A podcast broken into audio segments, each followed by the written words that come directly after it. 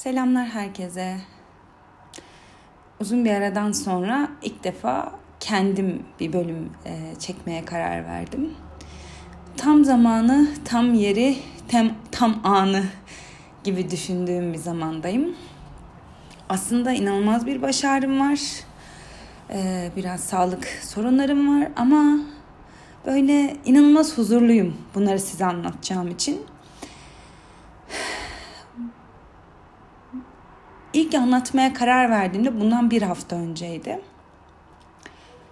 Bir iç döküş metni yazmışım. Sonra da anlatmaktan vazgeçmişim. Ona enerji bulamamışım.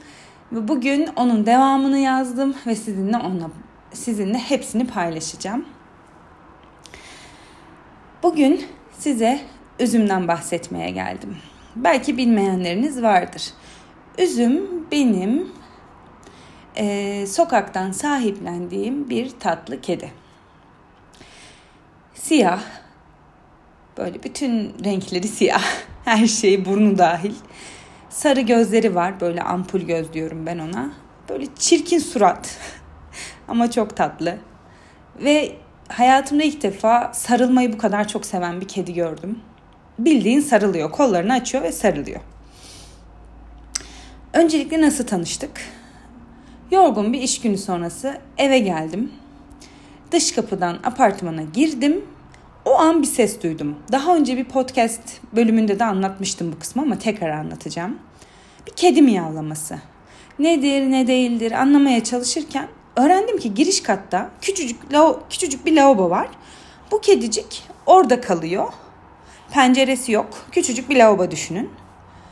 Ee, başka bir hoca görüyor e, karnının şiş olduğunu fark edince veterinere götürüyor. Fipli olduğu anlaşılıyor. Fip gerçekten çok ağır bir kedi hastalığı. Bilmeyenler varsa bakabilir. Islak fip, fip e, formu onun. Göbüş şiş. E, yani göbüşe göbeğe su dolmuş şeklinde düşünebilirsiniz. İşte bu tedavi süresince de diğer kedilerle temas etmesin çünkü bulaşıcı hastalık her gün aynı saatte iğnesi yapılsın diye böyle bir yöntem bulmuşlar o küçücük odada üzümün tedavi süresi neredeyse 3 ay. Diyorum yani öğrendim durumu. Bu nasıl olur? Nasıl olabilir? Küçücük odada günde bir defa aradaki kısma, pencereli kısma, azıcık açık olan bir kısma çıkartılarak 3 ay nasıl geçer bu kedi için? Bu kedinin hadi fiziksel sağlığı önemli de böyle bir şey etik değil ki. Yani bir kediye bunu yapmak hiçbir şekilde yani. Aradım tekrar dedim ki yani hani ben eve alayım. Ev almak demek öyle bir kediyi aslında o zaman da bunun çok net farkında değildim ya da böyle geri plana atıyordum. Üzümü eve almam demek benim hayatımdaki o kadar çok şeyden fedakarlık yapmam ki Mesela ne olabilir diyorsunuz belki dinlerken de. Annemlerle yaşayan kedimiz e, var, Duman. E, ve biz çok alışkınız Duman'la. E, yani Duman'ı yalnız bırakmayız evde ve Duman'la seyahat ederiz. Ve onlar çok hani uzak bir şehirde yaşıyor ve orada yazları çok sıcak ve yazın benim yanımda geçirirler diye düşünüyorduk. Demek oluyor ki bu annemlerle yaşayan kedimiz dumanla benim evime gelemeyecekler. Ben giderken eve üzümü hiçbir şekilde götüremeyeceğim. Seyahat etme konusunda çok çok kısıtlanacağım. Bir yere gitmek istediğimde üzüm müküme bırakacağım. Kedisi, kediyle alışkın olanların zaten kedileri var vesaire. Başka bir kediyle temas etmemesi gerekiyor. Bunun dışında hasta kedi bakmak, her gün iğnesini yapmak, türlü haplı, haplar yuturmak benim için çok zor. Daha önce bir en, yani deneyim yaşamadım. Bilmiyorum birçokları için de zordur herhalde. Ve ilk üzümle tanıştığımızda üzüm o zaman kısır değildi.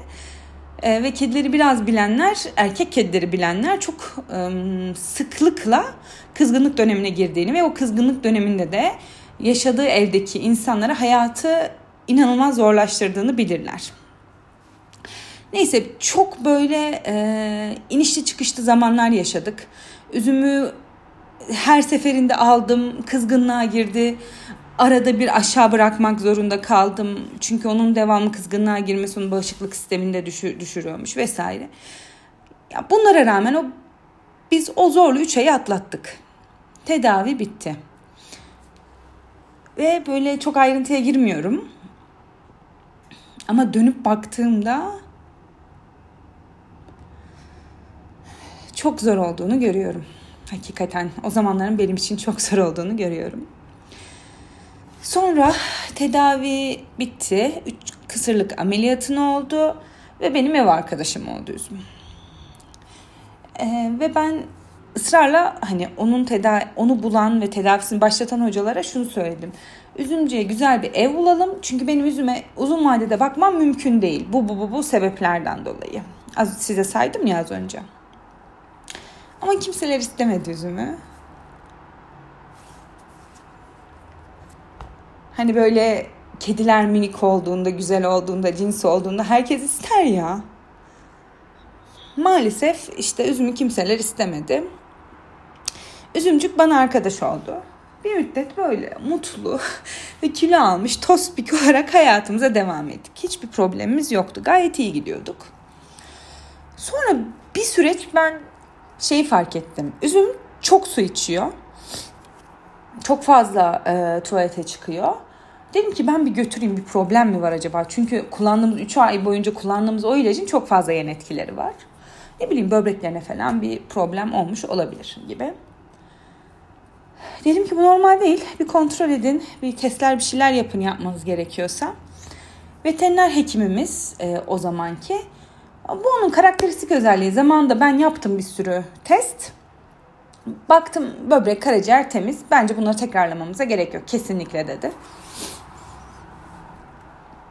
Biz insanoğlunun da bir huyu var. Ee, bir şeyi bilmediğimiz bir mevzuyu uzmanından duyduğumuzda koşulsuz şartsız inanıyoruz ve içim rahat bir şekilde veterinerden ayrıldım. Ya harika dedim. Bir problemi yok o zaman. Sonrasında bizim kendi özel hayatımızda yapmamız gereken şeyler vardı. Ee, yoğun bir bayram haftası bekliyordu bizi. Ve o bayram haftasında önceden ayarladım. Üzümü bir hafta evde bırakmam gerekiyor.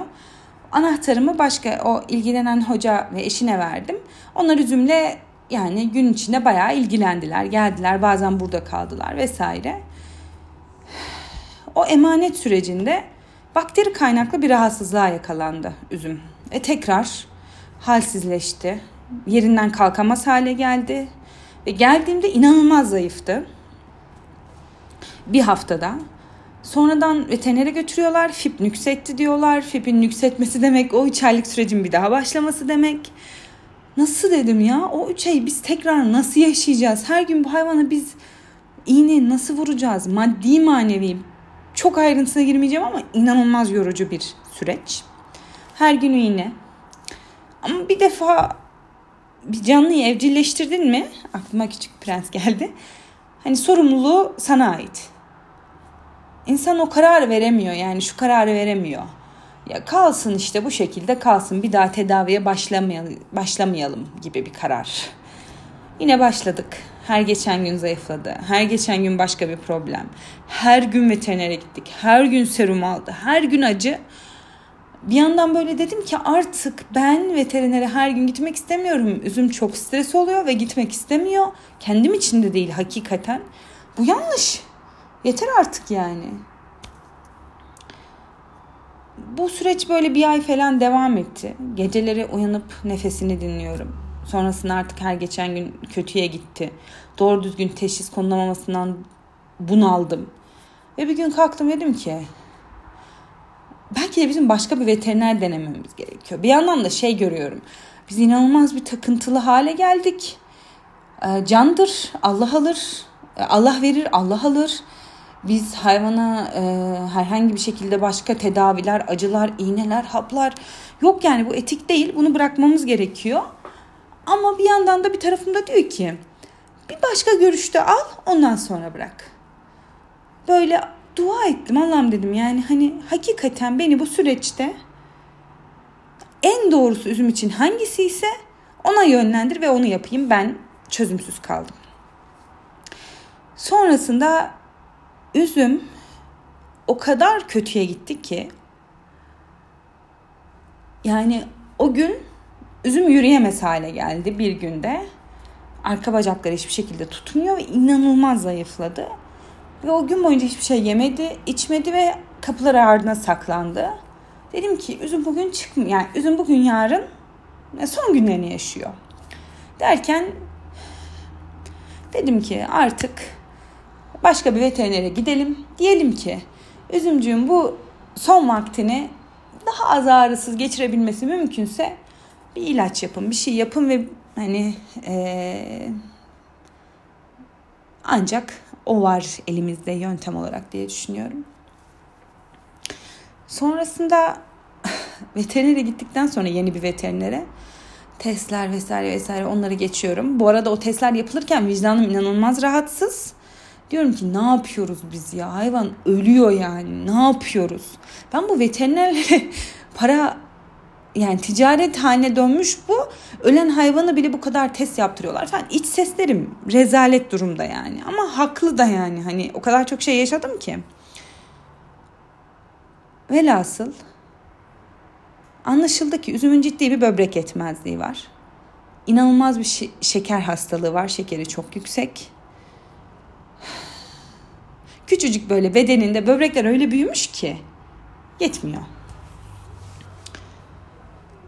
Şeker olmuş, beş, şeker olmuş 500-600 insan şekeri gibi düşünebilirsiniz.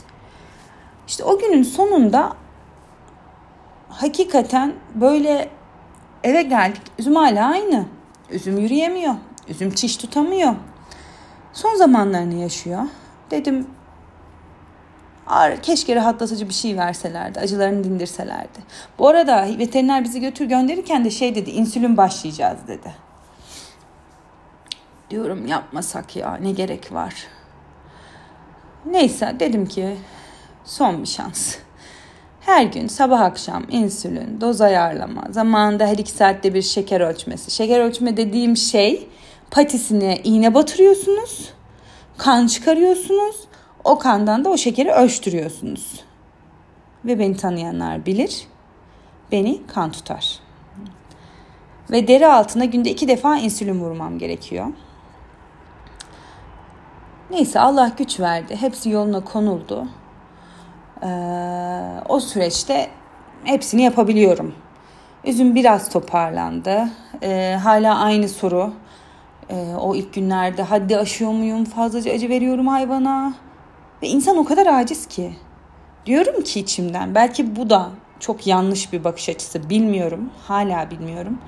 Bu yaşadığım olaydaki çıkarmam gereken hikmetler tam olarak çıkmadı muhakkak da. Bu aşamada anlatmak istedim. Diyorum ki çocuğum olsa denerdim dediğim her şeyi ona da vermeye çalıştım. Allah'ın emaneti diye gördüm ama hala yaptıklarımızdan emin değilim. İşte bundan bir hafta önce yazdığım o metinde Üzüm'ün bana öğrettikleriyle ilgili böyle bir liste yapmışım. o listeyi şimdi size size bahsedeceğim. Sonra da şimdiki şu anki durumundan bahsedeceğim çok kısaca. Üzüm bana sevgiyle alakalı çok enteresan şeyler öğretti. Böyle o sebeple bu sebeple gelen bir şey değilmiş sevgi. Hani mesela üzüme baktığınız zaman üzümle hayatım o kadar zorlaştı ki. Mesela çişini tutamadı uzun bir süre. Dediğim gibi annemler gelemedi, ben gidemedim. Ben bu yaz bir gün bile tatil yapamadım.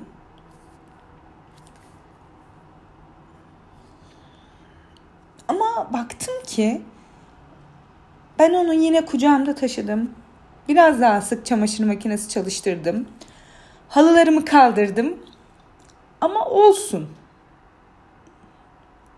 Olsun dedim. Böyle sevebilme kaslarım, kasları diye bir şey varsa onu bilmiyorum. Ama o kaslarımı geliştirdi. Böyle koşulsuz var ya her şeye rağmen, onca zorluğa rağmen şikayet etmeden iyi ki dedim.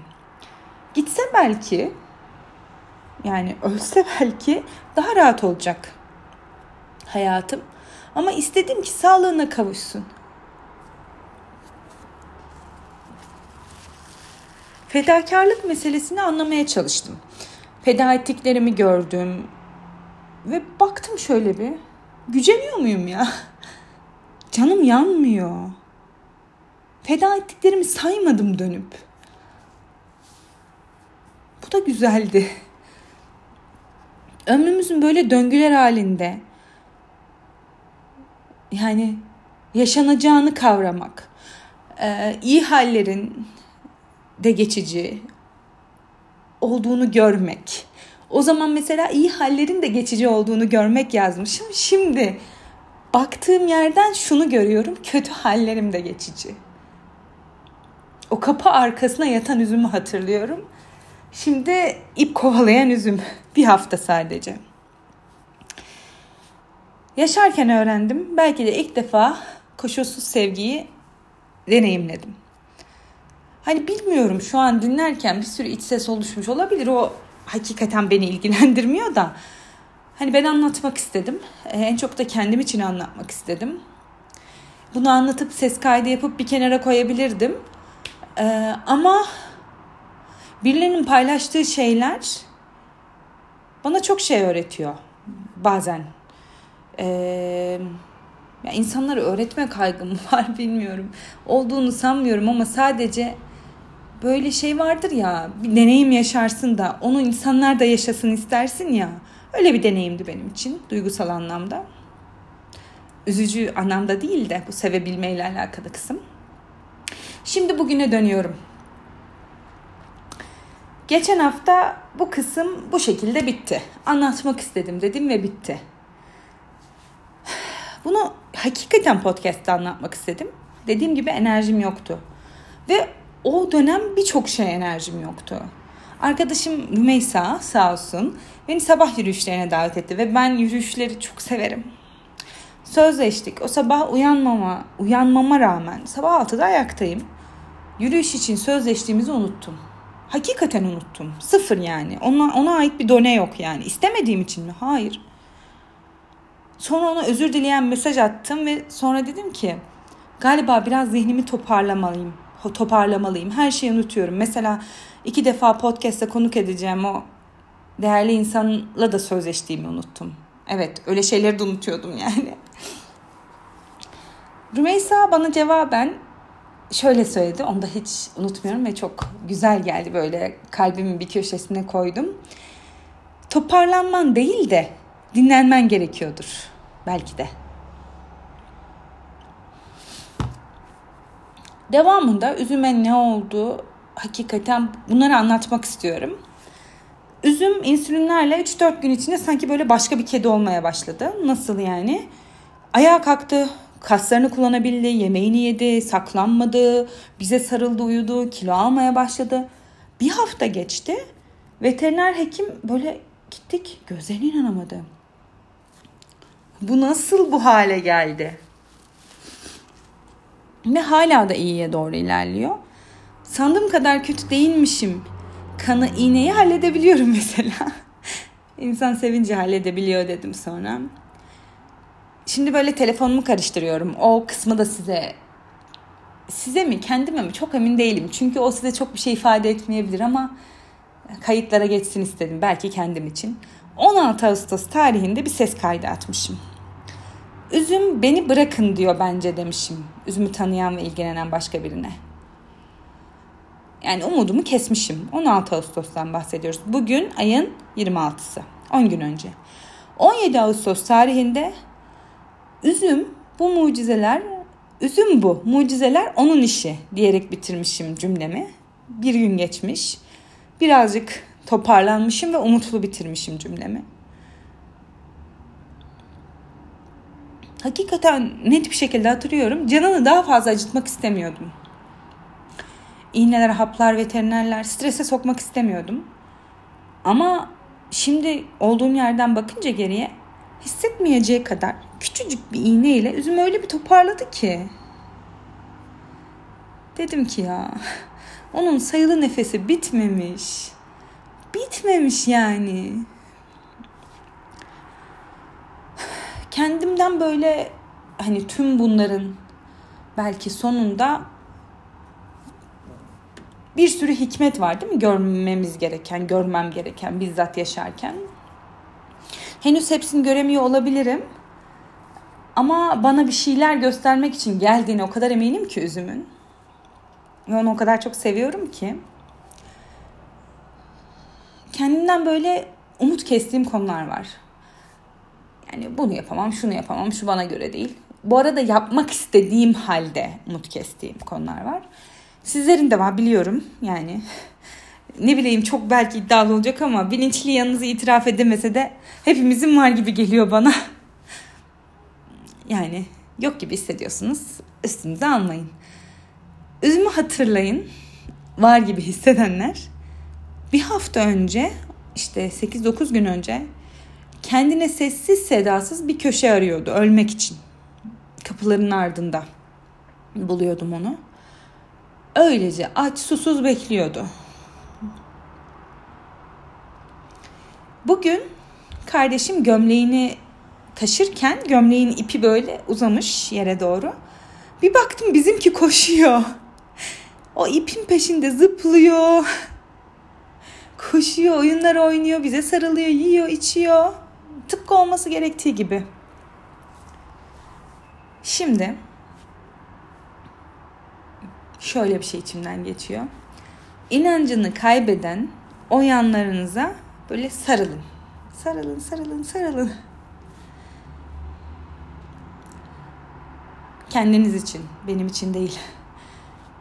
Diyorum ki ben de iyi ki üzüm, iyi ki girmişsin hayatımıza, hayatıma. Hakikaten seni çok seviyorum. Hani emanet süren ne kadarsa ben buradayım ve burada olacağım. Dinlediğiniz için teşekkür ederim.